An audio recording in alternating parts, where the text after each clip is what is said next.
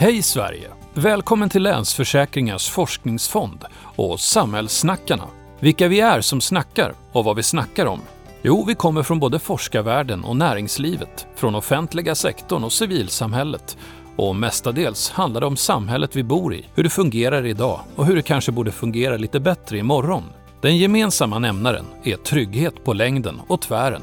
I detta avsnitt snackar vi om hur viktigt det är med relevant och oberoende fakta i dagens samhälle med Sten Widmalm, forskare vid statsvetenskapliga institutionen, Uppsala universitet och Kai Glans, chefredaktör för tidskriften Respons. Samtalet modereras av Annika Dopping. Varsågod Annika. Varmt välkomna till det här samtalet om fakta för demokrati. Vad krävs för det? Vi har två spännande gäster. Det är dels Sten Widmalm som är forskare vid statsvetenskapliga institutionen vid Uppsala universitet. Och det är Kai Glans som är redaktör för tidskriften Respons.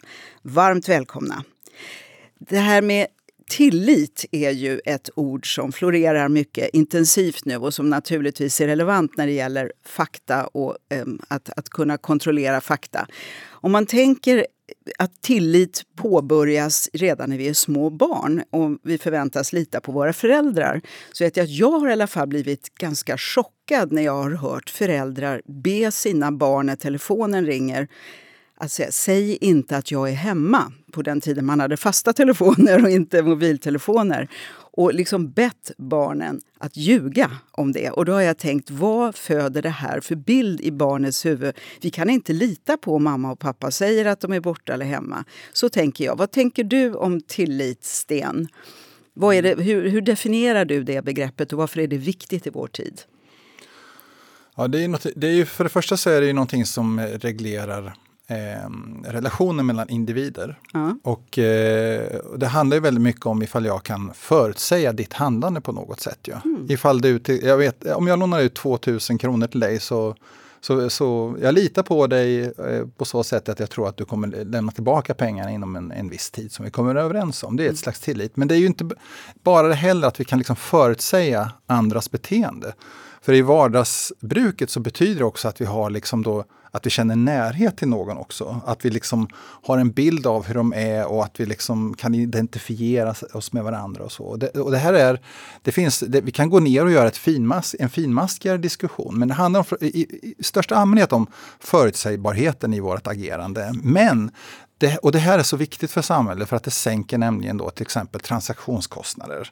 Vi måste inte försäkra oss om allting Vad hela betyder tiden. transaktionskostnader? Ja, det är liksom kostnaden du har för att göra, om jag gör den här överföringen då, för att till exempel om den här överföringen på 2000 kronor då, om jag inte litar på dig så mycket, då kanske jag måste gå ut och köpa en försäkring på, som har att göra med mitt lån till dig och då kostar den kanske 200 kronor och då har det en transaktionskostnad ah. eller att jag måste be någon annan gå och klå upp dig när du inte betalar tillbaka pengar. Det är också en transaktionskostnad transaktionskostnad ökar kostnaden för mig att få tillbaka de här pengarna. Och då måste jag höja räntan ju, och, då måste och då blir det dyrare. Om vi har ett samhälle då där, där ekonomin flyter på utan att man behöver göra så många sådana här checkpoints då mm. och hålla reda på varandra så mycket då, då får du fart på ekonomin mycket bättre och du får liksom de här eh, skutten i ekonomin som vi sett i samhällsutvecklingen historiskt i, i vissa områden där man lyckas åstadkomma detta. Då. Men det är också viktigt för demokratin förstås också då, att vi på något sätt kan enas om spelregler och att vi tycker att man håller sig inom vissa parametrar för språkbruk och ageranden och eh, allt det här som vi bygger hårda institutioner för. Eh, att det finns en eh, rättsstat som håller reda på oss, hur vi beter oss. Men det, är, det måste finnas liksom någonting högre också som omfattas av de som är med i spelet också. Om att man spelar schysst och sådana saker. Det, det går in att göra, det går att gå in och göra en, en, en mer detaljerad definition av det också.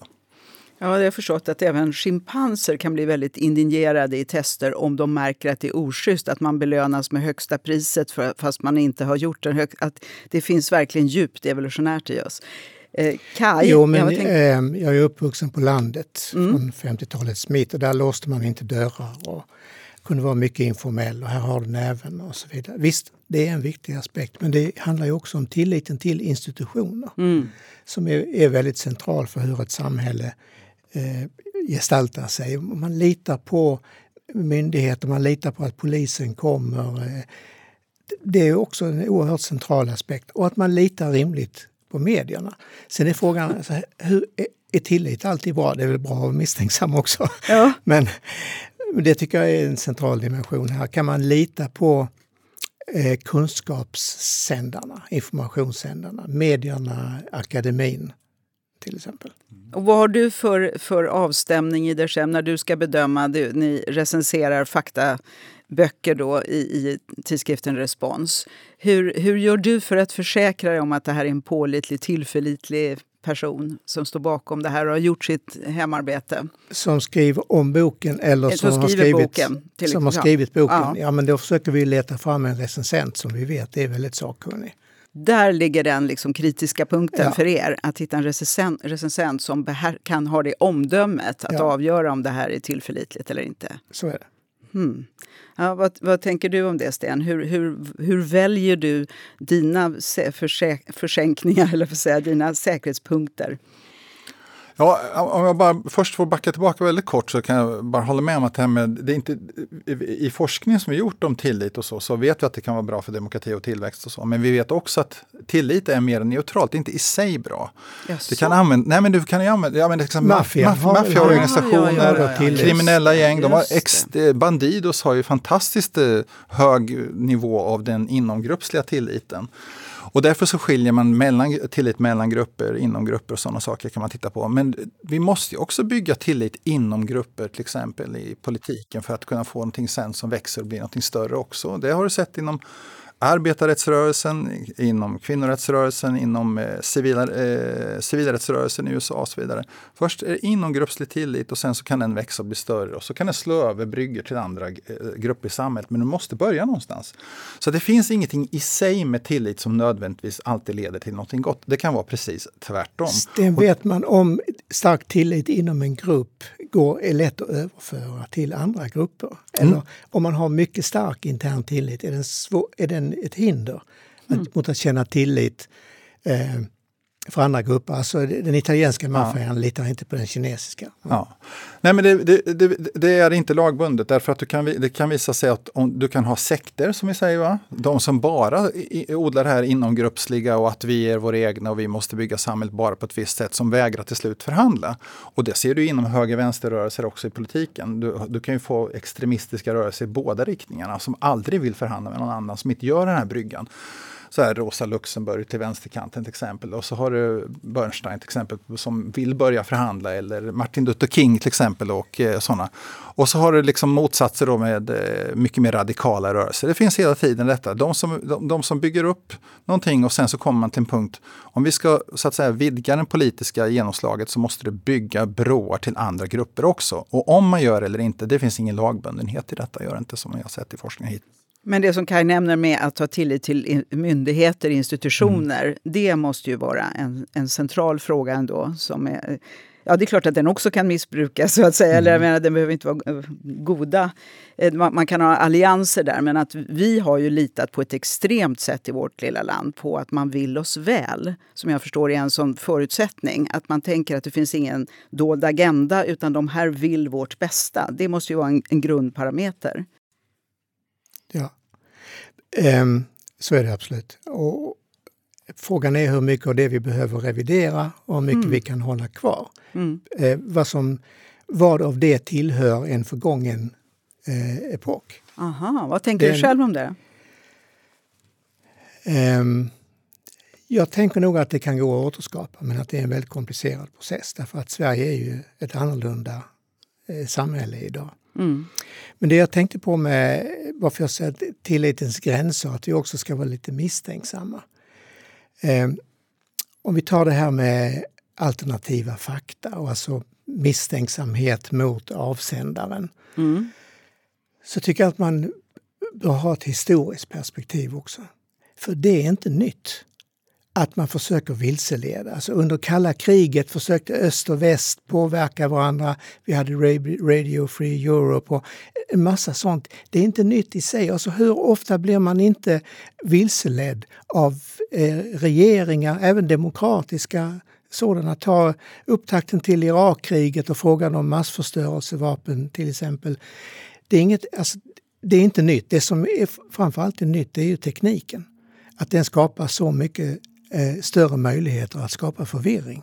Historiskt har man ljugit sig blå i alla tider, ja. men vad är det som är nytt nu då? Det är att tekniken har eh, skapat, helt, skapat nya förutsättningar eh, för att plantera desinformation. Alltså man, en, en, en trollfabrik kan hitta spridare som inte ens vet eh, alltså vad det är de sprider och vilket sammanhang. Så det är både räckvidden och innehållet egentligen? Ja, jag tycker man ska komma bort från de här enkla motsatsställningarna mellan förr och nu och, och också mellan eh, alternativa fakta och akademin därför att det riskerar att skapa en naiv syn på akademin. Man talar om experternas kris, alltså folk är så misstrogna. Mm.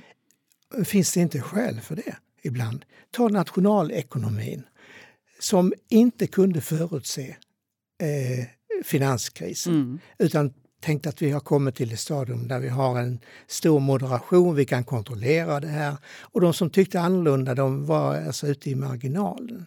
Det finns väl anledning att vara eh, skeptisk också mot institutioner här. Alternativa fakta har till viss del sitt upphov inom idéströmningar inom akademin, alltså den post, postmoderna, låt oss kalla det så, perspektivismen. Det finns ingen objektiv sanning. Det finns bara perspektiv Aha. på saker och ting. Och jag tänkte det när det kom på 80-talet, som jag aldrig varit anhängare av det där.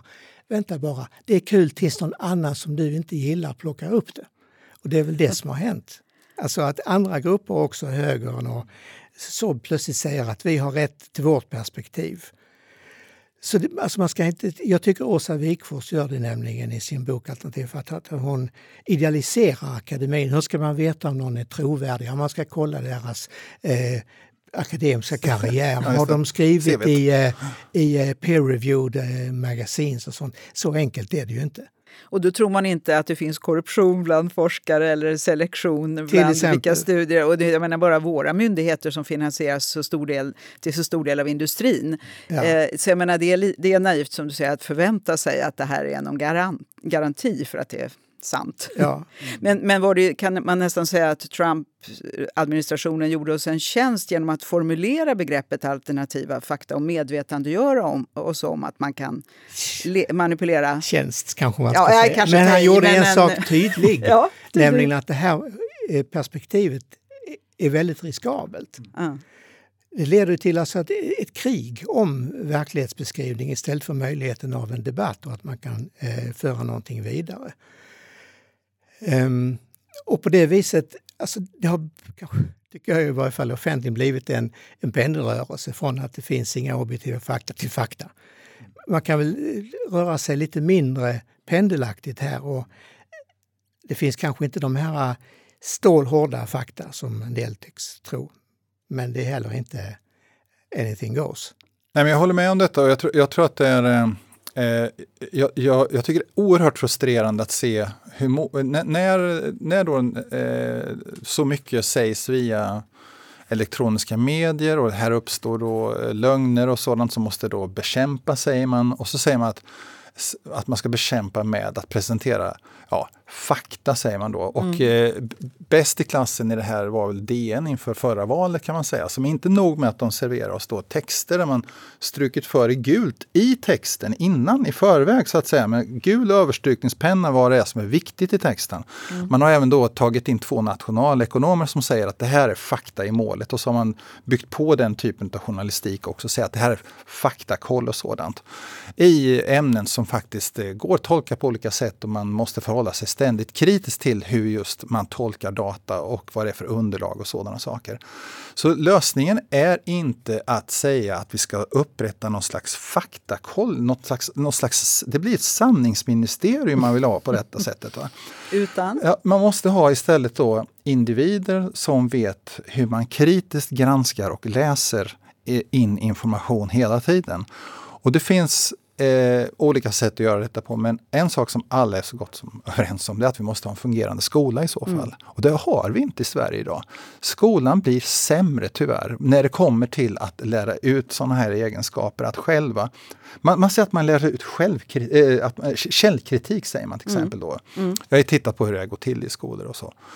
Och, eh, men det blir oftast sådana här checklistor eh, som säger, liksom, finns det en referens, ja då är det sant. Liksom, just det här kritiska tänkandet går tillbaka till att du har någon slags, något, det här du får lära dig när du läser filosofi. Du måste börja med att eh, få in liksom det här resonemanget om hur du värderar vad som är logiskt stringent och vad som så att säga byggs upp med empiriska data och så vidare. Och vad är det för något som vi kan kalla sant utifrån sådana här olika grundprincipresonemang. Och förut har det varit så att samhällsvetare har fått lära sig börja med filosofin först för att kunna bli duktiga forskare. Men det gör man inte längre.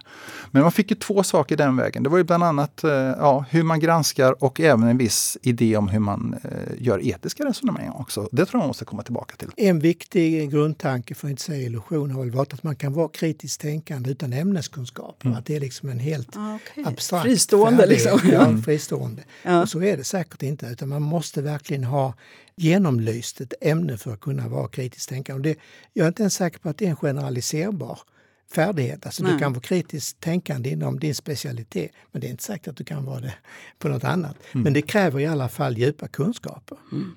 Men vi, och vi har ju varit lite förtjusta i lite binära svarsalternativ. Jag tänker på folkomröstningar och så i Sverige. Mm. Just demokratins eh, förutsättning då att man skulle kunna säga, när det var kärnkraftsomröstningen då fanns det ju ett tredje alternativ också. Eh, inte bara ja och nej. Men, men liksom alla sådana här, eh, eller euron eller EU och alltihopa, de förutsätter ju att man kan förvänta sig just pålästa, ämnespålästa medborgare som ska kunna ta ställning i det här. Och så blir det så extremt komplext och, och, mer och mer för varje dag och svårt att förutse våra vänner på andra sidan Atlanten och, och ja, österut också. Vad, vad, ska man göra för att underhålla liksom kloka, pålästa, kunniga, ansvarsfulla medborgare? Har ni facit? Det är bra att du tar upp det här med, man skiljer inom media på pull och push. Alltså om du har en stark redaktion, mm. då drar du fram din nyhet. Du, får, du undersöker. Om du har en svag redaktion så finns det mycket starkare push. Alltså någon trycker in mm. sin version av verkligheten. Idag är redaktionerna svaga. Det har skapat, varför är det så många informatörer överallt? Varför är det tankesmedjor överallt? Därför att de ser en möjlighet att trycka in en, en verklighets... Eh, Lobbyist nästan. Ja, mm. det blir ja. någonting sånt. Men alltså, en del av det här har att göra med tidningarnas försämrade ekonomi, att redaktionerna är betydligt svaga, har betydligt mindre resurser till att bedriva verkligt grävande journalistik. Mm. Och vad får det för konsekvenser? Att det är lättare att pusha in De en, en, en parts mm. eh, beskrivning av en situation. Om du har ett företag och skriver en väldigt bra pressrelease så kanske du får den nästan publicerad. Mm som en artikel. Till ett hungrigt mm. redaktionellt... Ja, de är tacksamma för material. Ja. Och, eh, och det, här, det finns ju rätt många hot mot demokratin just nu, varav det här är ett då, med försäg, för, försvagade redaktioner. Eh, som, misstro mot media. Ja. Misstro mot media. Men är det, är det rättmätigt så, tycker du? Att, att vi misstror media? Eller att många gör det? Det är en jättestor fråga. Alltså de är, medierna är försvagade. Det tycker jag, i varje fall dagspressen. Mm. Eh, och det finns vissa ämnen som man gärna går runt.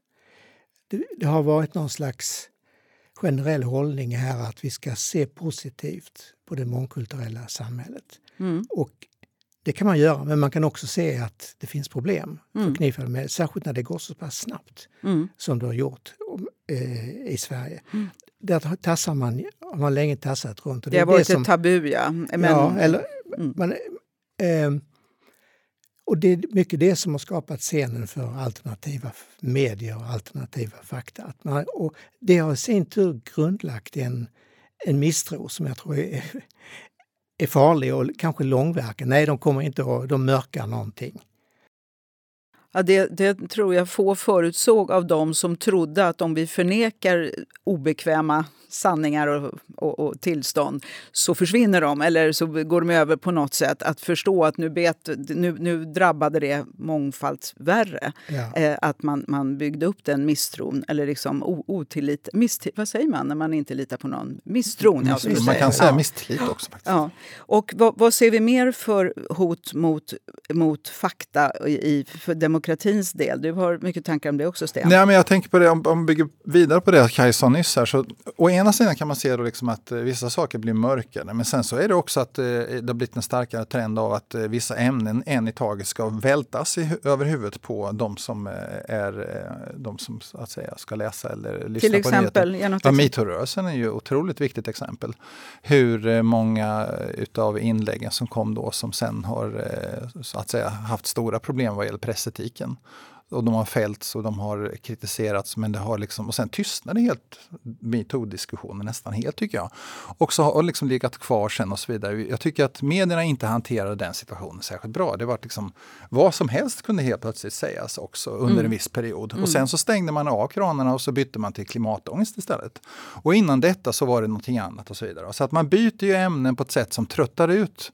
Man tar en sak i taget bara och man tröttar ut läsarna på det sättet att nu är det bara detta som gäller och det, är liksom måste rätt, det här liksom måste fixas nu och så vidare. Och på det sättet, och om man behandlar nyheter på det sättet så att man bara går på vad som är klickvänligt under en viss period. För det är så man gör på de stora tidningarna. Mm. Man följer kontinuerligt varje artikel, hur mycket den klickas. Mm. Och så lägger man upp rubrikerna på nätet efter det. Om man har inte mer integritet som redaktionen att följa de, de mönstren, mm. då får man en, till, slut en slags en trötthet hos läsarna som gör att man blir de blir cyniska, de, de litar inte på medierna och så vidare. Man måste lugna ner tempot och man måste se att, att man har redaktioner som kan skriva sina egna artiklar och också ha en redaktionell distans också till frågorna. Man får inte hoppa på ämnen på det sätt som man gör just nu tror jag. Det är eh, viktigt för att behålla medierna som en viktig eh, pelare i den demokratiska utvecklingen.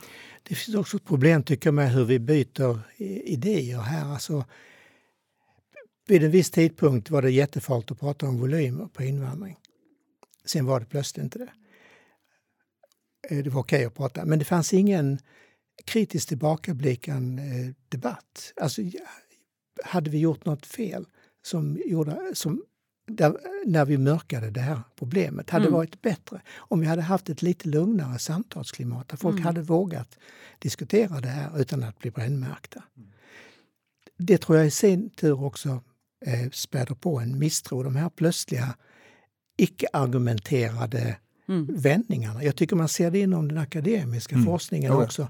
Alltså man ser de här idéerna som vi pratade om tidigare, postmodernismen, de har väl klingat av. Folk tycker inte det är så spännande längre när nästan alla gör det. Mm. Men det finns väldigt lite av sån här tillbakablickande debatt och försök att säga det här var fel, det här kan vi eventuellt tillvarata och så kan vi gå vidare. Utan man, man skiftar till mm, någonting mm, annat. Mm.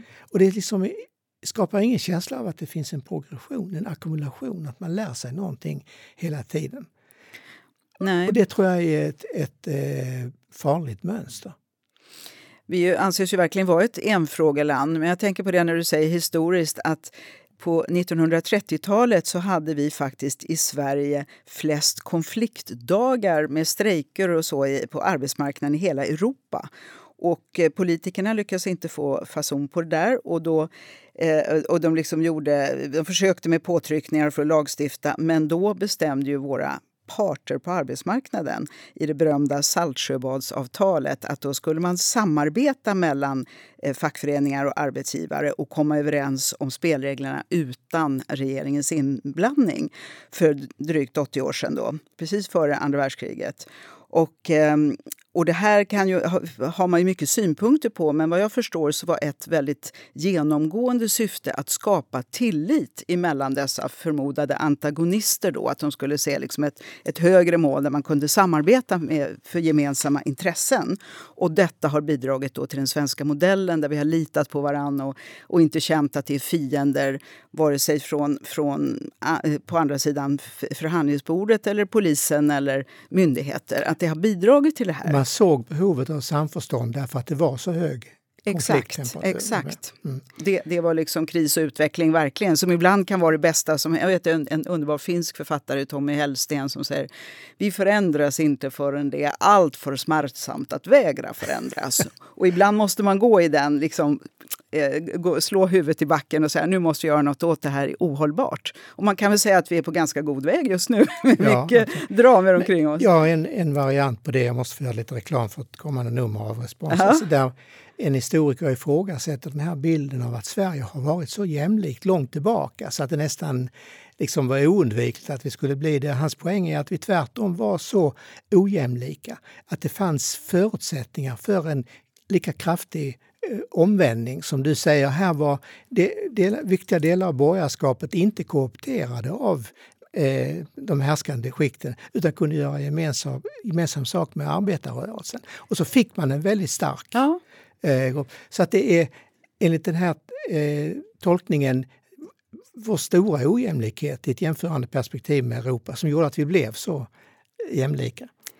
Ja, vi var ju försupna och fattiga och verkligen e- ett eländigt land som har kunnat resa oss. Och då som när du säger det här, kan vi, vad kan vi lära oss av, det, av våra erfarenheter? Det sägs också att när man när man uppnår en vision så pass som folkhemmet nästan blev, då är det lätt att bli korrupt i sin egen, när man slutat kämpa för något. Då, då behöver man granskas och ifrågasättas ständigt om man är en modig och klok ledare så vill man inte liksom, eh, undanhålla granskning och, och mörka som vi även ser i våra myndigheter idag på ett sätt som verkligen oroar många. Att, att det är tidningarna som ska avslöja oegentligheter och inte tillsynsmyndigheter. Det är ju också en, en ja. för många väldigt skrämmande att se. Och vad vi lite strävar efter är, finns det kapacitet till ett sådant skifte idag? Ja, berätta. Nej, jag frågar. Alltså, jag, jag vet inte. men, men, men, jag, tänker, jag, jag, tycker det är någonting som är lite konstigt. För du tog upp Saltsjöbadsanden och avtalen och, och, det byggde på tillit och så vidare. Absolut, uh absolut gjorde det det. Men jag har också beskrivit det som en form av korporativism också.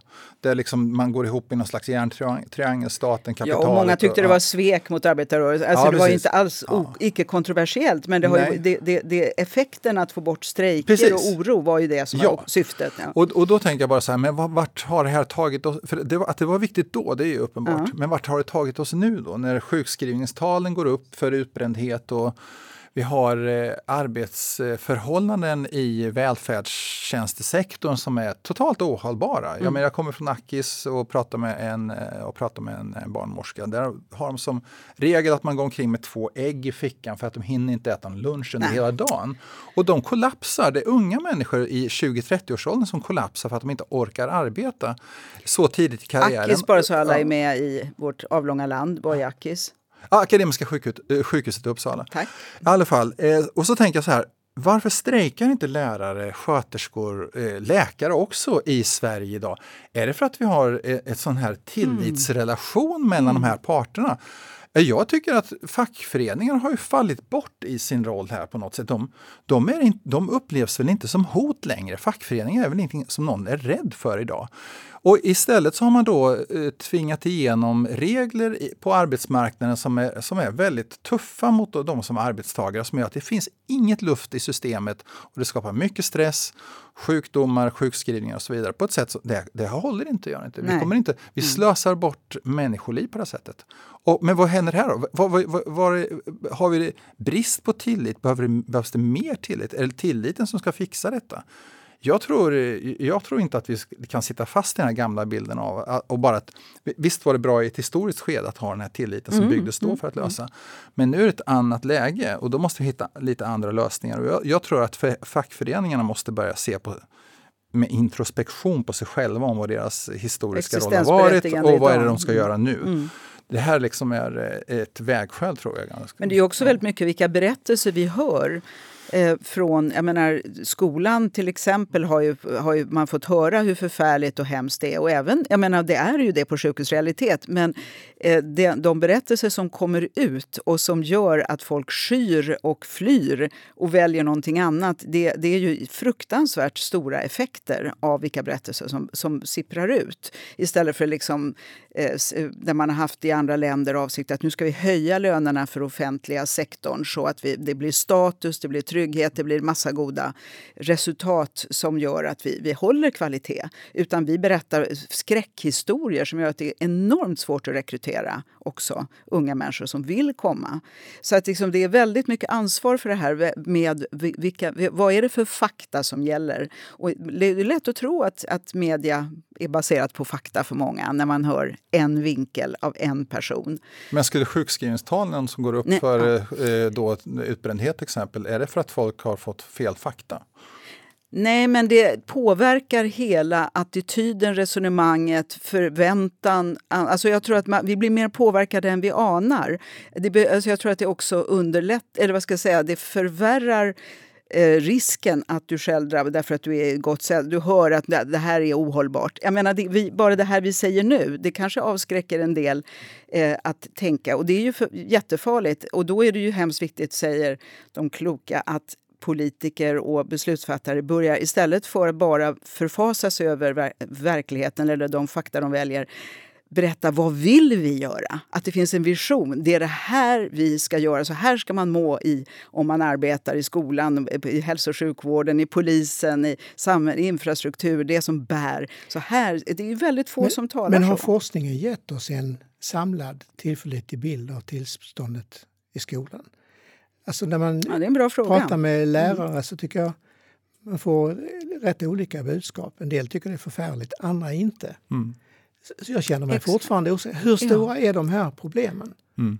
Det finns viss forskning på hur mycket tid man lägger på rätt saker i alla fall. Att få vara med eleverna och så vidare. Och eh, man tittar samma, på samma sätt på vad jag, man gör inom sjukvården, mycket tid som man hinner spendera med patienter och så vidare. Och I Sverige så har vi väldigt lite patient-läkare-mötestid mm. generellt sett mm. och det ligger lägst i, bland de lägsta i OECD. Och här i Sverige så har vi också en situation för lärare där man jobbar med mindre än halva sin arbetstid med att träffa sina elever i skolan till exempel. Samma sak för sjuksköterskor och läkare oj, också. Oj, oj. Det, det, är ja, inga det är muntra siffror. När man går in och mm. mäter de här grejerna så får man inte ut muntra tal. Tyvärr. Och, så jag, tro, jag tror att det, visst, man får akta sig för att man inte sprider skräckhistorier i onödan också. Men jag tror att inte det här är en, det är ingen, det är ingen konstruktion som har uppstått Nej. av sig själv. Det, det är allvarliga problem. Och, och, eh, ja. Förpappringen, som man säger, vår byråkratisering där det då lönar sig att bocka av eh, rapporter och dokumentation som ingen läser. Ja, men hela den här mäthysterin som ju också eh, slår mot eh, den akademiska världen i att man... Samma man sak har, där, hur mm. många artiklar har du publicerat? Ja, precis. Ja. Alltså, är det här verkligen ett mått på kreativ forskning? Mm. Men vilket ansvar har ni då för att vrida världen rätt igen? Eller åtminstone landet? Vad skulle ni vilja göra för att påskynda? Skriva om det här faktabaserat. Mm. Eh, försöka skapa ett bättre diskussionsklimat. Mm. Vi har ett väldigt mm. ängsligt eh, diskussionsklimat. Eh, vi ska ju prata om kritiskt tänkande, inte krigiskt, men jag vill ändå ta en militär liknelse. Mm. Alltså nedhållande eld, det är när man ställer upp en kulspruta över ett område så ingen vågar sticka upp huvudet. Och det finns ju vissa begrepp som fungerar mm. så. Eh, de förenas av att de är ofta väldigt vaga och de är till och med ständigt utvidgande. Men själva laddningen förblir konstant. Om du säger att någon är rasist så har det någon anknytning till Auschwitz, eller hur? Alltså mm. det, det, mm. Vår stora moraliska eh, katastrof. Väldigt många sådana begrepp gör att folk inte vågar ta till orda utan för att de vet att de riskerar att bli brännmärkta. Vi pratar om eh, hat. E, är inte det här också en form av hat? Att säga till någon, ja men du är det värsta som finns. Mm. Mm. Jag tycker man måste nyansera begreppet. Eh, Tror du man kan träna den här som en färdighet? Att man kan liksom vidga eh, debattklimatet så att det inte blir så snabbt att man... man ja, ja, för det första ska man börja med att inskränka tycker jag, innebörden i de här begreppen. Okay. Alltså, vi, vi talar idag om fascism. Och ofta menar man då också nationalsocialism. Alltså inom historieforskning så försöker man hålla isär dem för nationalsocialismen var så ofantligt mycket mer destruktiv än till exempel Det är mer ett skällsord som det Ja, det har idag. blivit det. Ja. Men ändå menar jag finns laddningen kvar. Ja, absolut. Det här, man vidgar begreppet hela tiden. Det är concept creep som det kallas på engelska. Men laddningen är kvar. Det gör att folk blir väldigt nervösa för att ta till ord. Det finns de här fåborden och sånt som gör att jag tänker på eh, Kajsa Ekis Ekman som, som sa någonting som upplevdes olämpligt om, om transpersoner. Stort drev plötsligt. Och det som har tillkommit är ju den här möjligheten möjligheten och villigheten att avplattformera folk som man säger. Alltså gå på deras eh, ställning, att försöka få dem sparkade för jobbet och, och sådana saker som jag tror skapar en väldig ängslan bland folk. Mm. Och det kan vi alla vara med om att påverka menar ja, du? Ja, det tror jag. Att försöka skapa ett bättre eh, diskussionsklimat så folk vågar ställa frågor om saker som de tänker på. Mm. Jag håller med. Och det, det, här så ser man ju att på universiteten så här ser man mycket exempel på sådana här frågor. Det dyker upp att Å ena sidan då när det kommer upp en, en svårbehandlad fråga om någon har sagt någonting då som kan tolkas på ett visst sätt, då kan eh, en person liksom bli diskuterad på högsta ledningsnivå väldigt snabbt. vad gör vi med den personen? Måste den sättas i, garantän, i karantän mm. eller någonting annat? Då, mm. Samtidigt då så odlar man samtidigt en, en idé om forskaren också som går ut på att man hårdare och hårdare ska specialisera sig bara för att kunna samla poäng till universitetet. Och Kvantitativt då, Ja, precis. Och då blir att vi blir mycket mer atomiserade också i forskning. Om nu pratar jag framförallt samhällsvetenskap och i viss mån humaniora också. Men att man så att säga bara satsar på en gren som man blir väldigt, väldigt bra på. Då. Och, men då pratar man med, inte så mycket med andra, man pratar mycket mer med folk som tycker likadant. Mm. Och det, det, är inte bra för forsk från forskningsperspektiv. Och vi tvingas heller inte att, ta, eh, att ha, ha den här kon viktiga kontakten med de stora samhällsfrågorna. Vi kan konstruera väldigt abstrakta frågor själva och tycka att de är de viktigaste, men de kanske inte är så viktiga alla gånger. Då. Och eh, vi har till exempel för inom, ja, när hela världen nu förändras och Kinas roll tar över västvärlden och så vidare. Det liksom är stora tektoniska rörelser. Väldigt få människor som forskar om det faktiskt. Men däremot så hittar du många som håller på med ämnet internationell politik till exempel. Men de forskar om de olika teoribildningarna inom ämnet. Mm. De studerar inte det empiriska alla gångerna utan tvärtom, det, sak det saknas experter. Så att det, var har vi liksom, hur många Amerika-experter, hur många Tysklandsexperter har vi i Sverige till exempel? Va? Vi har några absolut jätteduktiga Kina-experter och så vidare. Men det är ju liksom de här djupa ämneskunskaperna kunskapen och förmågan att sätta vad som händer i relation till de stora rörelserna. Inom i alla fall mitt ämne så är det oerhört viktigt som jag uppfattar det, men vi går i en annan riktning. Vi blir atomiserade och för specialiserade. Ska jag säga. Då önskar jag mig en sån artikel av dig där du listar det som du tycker i vår tid skulle, skulle komplettera kartan. I all anspråkslöshet. Det, det, passar, det har Jante älskade. Ja. Är det inte också så att den akademiska forskningen har undvikit en hel del frågor som är känsliga. Dessutom. Och att det är outsiders som gör det. Jag tänker på Per Brinkemors bok om klanen. Alltså mm. Det är en rätt, rätt stor sak mm. att vi har fått mm. in klanstrukturer här. Mm. Men det är en, man får ändå säga att han akademiskt är en outsider mm. som, som tar upp Jätteviktig mm. bok och superrelevant ja, i vår tid. det är verkligen en stor, eh, stor förändring. Men det är inte den akademiska forskningen utan det är folk utifrån. Mm. Men, men kanske kan man också som en, en avslutning tänka att det är väldigt viktigt att ständigt våga ifrågasätta sina egna sanningar och sin egen världsbild och öppna sig för nya så blir det per automatik en sorts vidgning av perspektiven och att man vågar erkänna att jag var ute och cyklade. Det här hade mm. ingen aning, jag förstod inte konsekvenserna. Jag trodde verkligen på den fel. För då blir vi ju alla klokare och ger förebilder till barnen mm. att man har rätt att ändra sig och man ska hela tiden sträva efter att förnya sig. En sån person är den största fienden till auktoritära ledarsystem. Att du har personer som kan fungera precis på det sättet, det är exakt vad en auktoritär, en auktoritär ledare inte vill ha. Och då kan vi bestämma att det vill vi ha i Sverige. Är inte mm. det rimligt? Tusen tack för ett jättespännande samtal. Tack, tack så mycket.